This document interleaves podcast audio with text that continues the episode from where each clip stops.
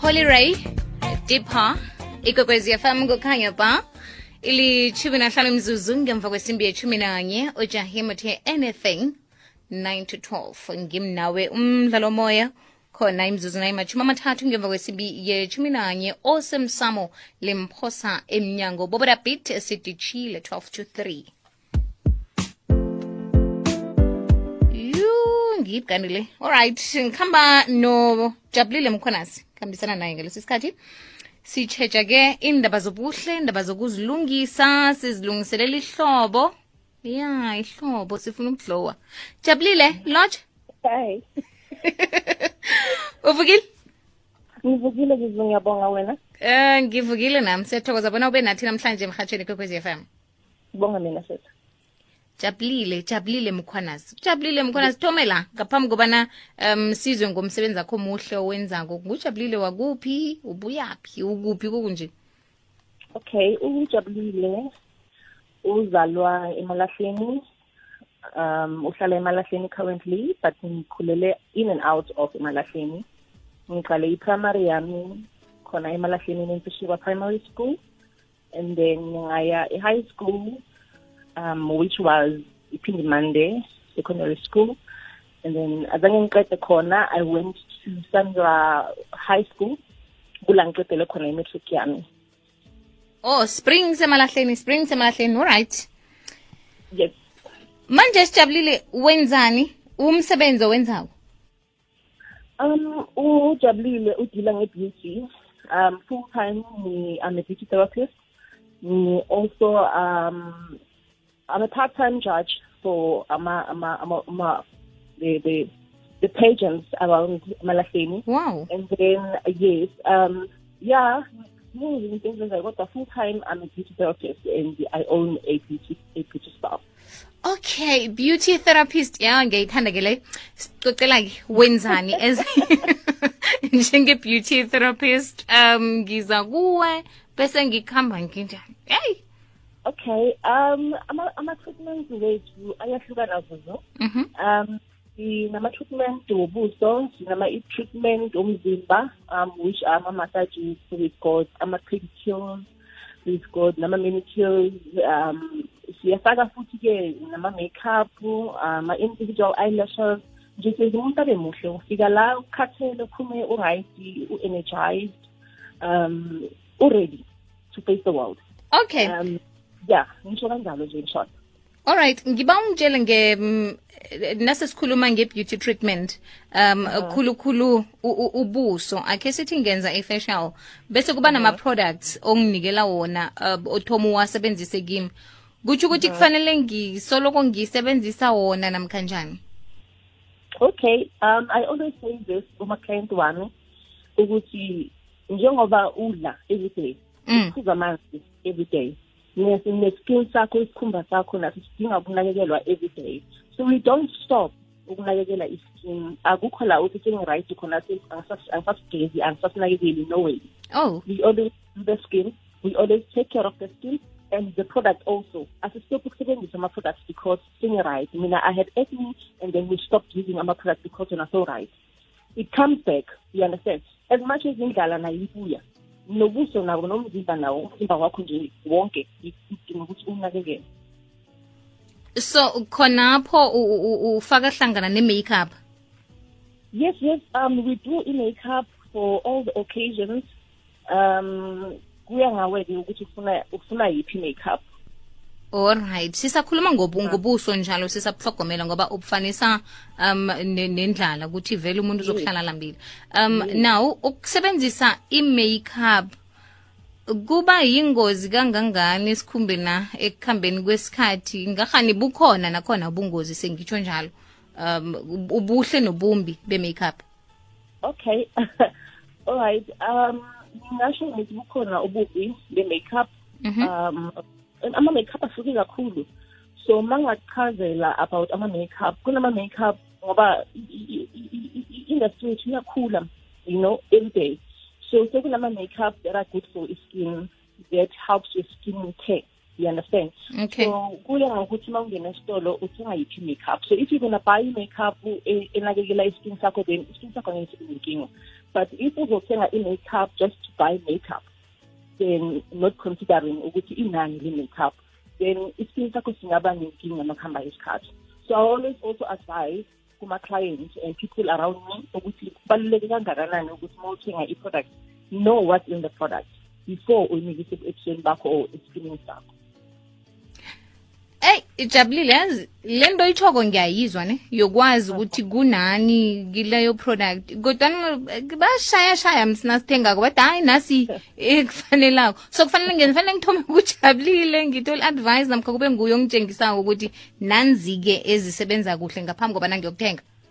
Two balulekile futhi nako loko to consult first before you go uyobhaya from the shelf. Because abantu abaningi they just go bayothingela bona kuma-shelves and i-problem iba lapho-ke ngoba uthenga i-product ebona uzuzu ayifakile and then you're into ebona uzuzu ayifakile not into e-right for iskin sakho.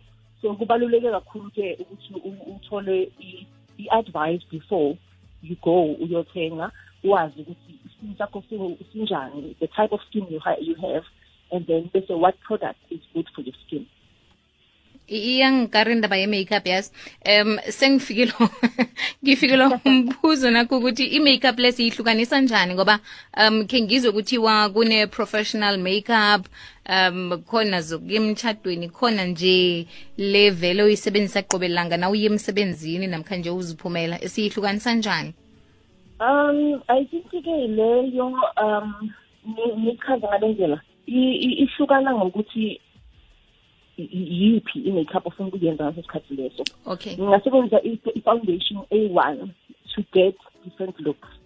So kuya ngokuthi wena ufuna ukachiva ini? You understand. Alright. but i-makeup ke or ama-foundations ayahlukana nawo kanjalo because we've got a-oil base and then we've got a-water base. You understand? So sekunguwe-ke njengomthengi othi uma esitolo azi ukuthi mina iskin sami si-oily um, I need to buy a makeup or a foundation that is water based. And then mina iskin sami sidry mhlambe mhlambe ezongipha amafutha and we also have a foundation for hydrating the skin so ahlukile ahluke kakhulu that is why ma uyothenga you need to take isikhathi sakho understand and buy according to what your skin needs okay uthi enye i-water based enye i-oil based. Um le e-water based ngiyomuntu onesikhumba esinamafutha esinamafutha amaningi esinamafutha amaningi yes. Oh yazini ne? Nento ngiyikhumbulako nangifaka i-makeup ngi- ngi- ngibethwa yihloko. Phathwa yihloko kuba yini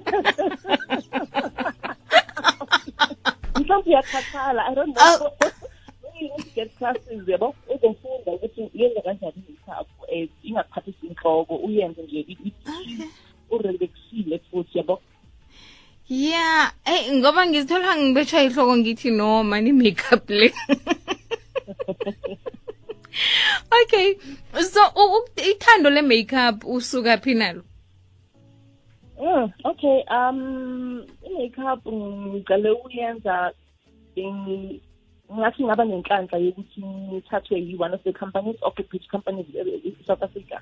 Mm. um bangifundisa-ke and then bangiplacea e- e- e- elo es- esitolo so ngaqala isitolo ngasebenza e-egas um ngaba yi-beauty advisor there. And then that is where ngifunde khona more about makeup. Kodwa-ke from then ngacabanga ukuthi ngcono ngithuthukise iy'mfundo zami then ngahamba ngayofundela i-beauty therapist and okay. then ngabuya-ke mase ngibuya um bese nginolwazi ne-experience kancane. Um ngaqala-ke ngaqala ibhizinisi yami lapho-ke. But at the, at the time ngisaqala ibhizinisi my focus mostly was the skin care and, and, and, and, and to teach people about about makeup. So um kanjalo-ke ngibe la ngikhona namhlanje Mm. so ngokubona kwakho ubona sigijimela kangangani nasi indaba ye-skin care um siyafundiseka kobana isikhumba siqakatheke kangangani khulukhulu ukusihlogomela No, sine-challenge enkulu-ke when it comes to that because abantu they only notice ukuthi banenkinga mase babona inkinga. Oh. Sekuyenzeka, babona manje things a problem um for i- i- isizekelo mhlampe umuntu uba nama-pimples bekanganawo ama-pimples and then so ayaqala manje aba maningi sekuyabona ukuthi ngathi ngine-problem but masiyothenga i-product we buy because ngibone uba nayisebenzisa. Ngiyandisana so sicala sithatha iy'step ezibalulekile emuva ukuthi sicaba sihlangabezele ne-problem. So si, si i think ukuhlangana kwami nabantu mostly beza kimi ngoba sebaqalekile sebanezinkinga then they come. Oh kuthi ukuthi into leyo ukuthi ikinga siyikhandele ingakabukufika um asiyisebenzisi namkha siyicabangi ngokuphathelene nesikhumba yes Oh okay. all right. Bese kungena nokudla sikudlako into ezinjalo. Ukudla yes. Oh okay. So now uthi uyemsebenzini qobe langa vane wenzani? Oh okay. Mangiza la emsebenzini nginama-appointments um mhlampe i-skin care ubuso sizenza ama-facials massage and also I do ama-house calls ngenza ama-call outs I work Oh. hand in hand with the hotels around emalahleni and the guest houses.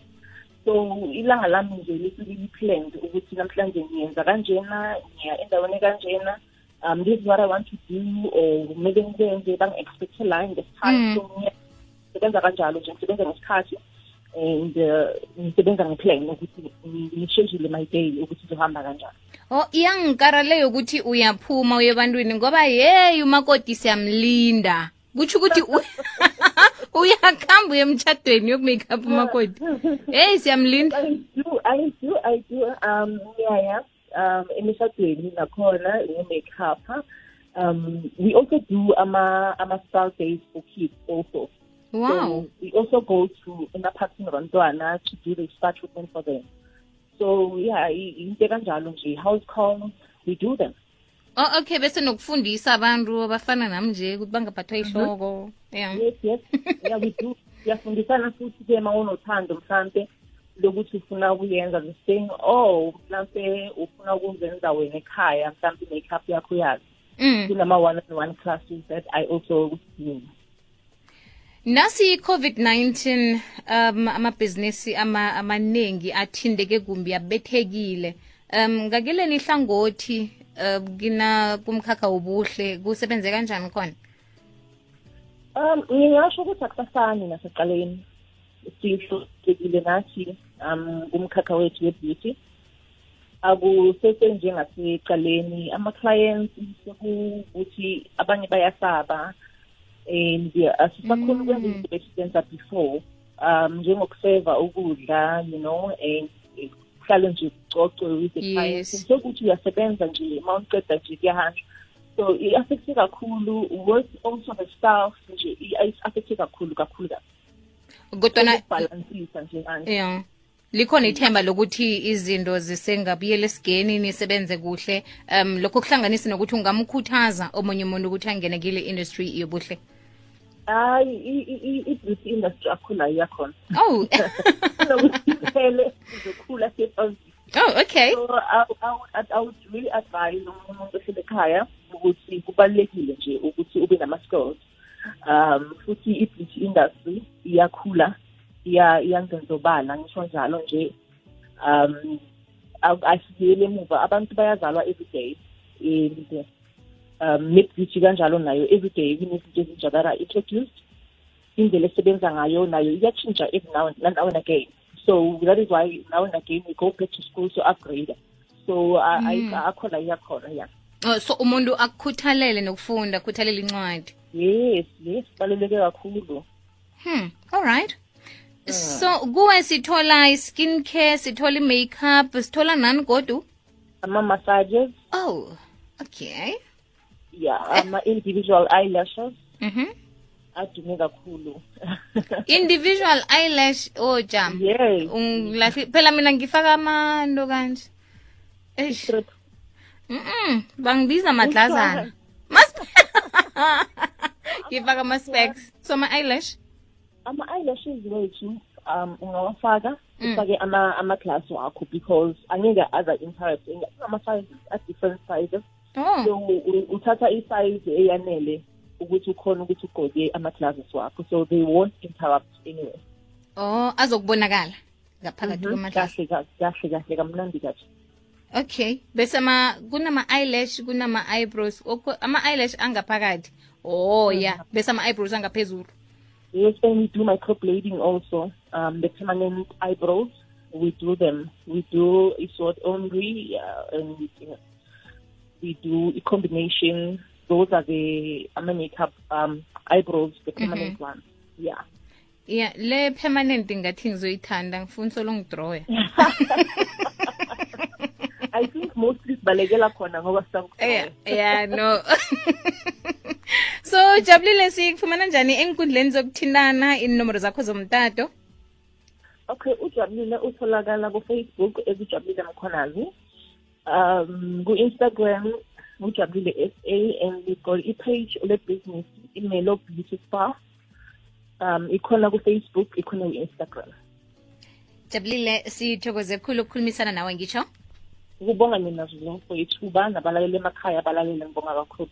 siyathokoza Thank you so much.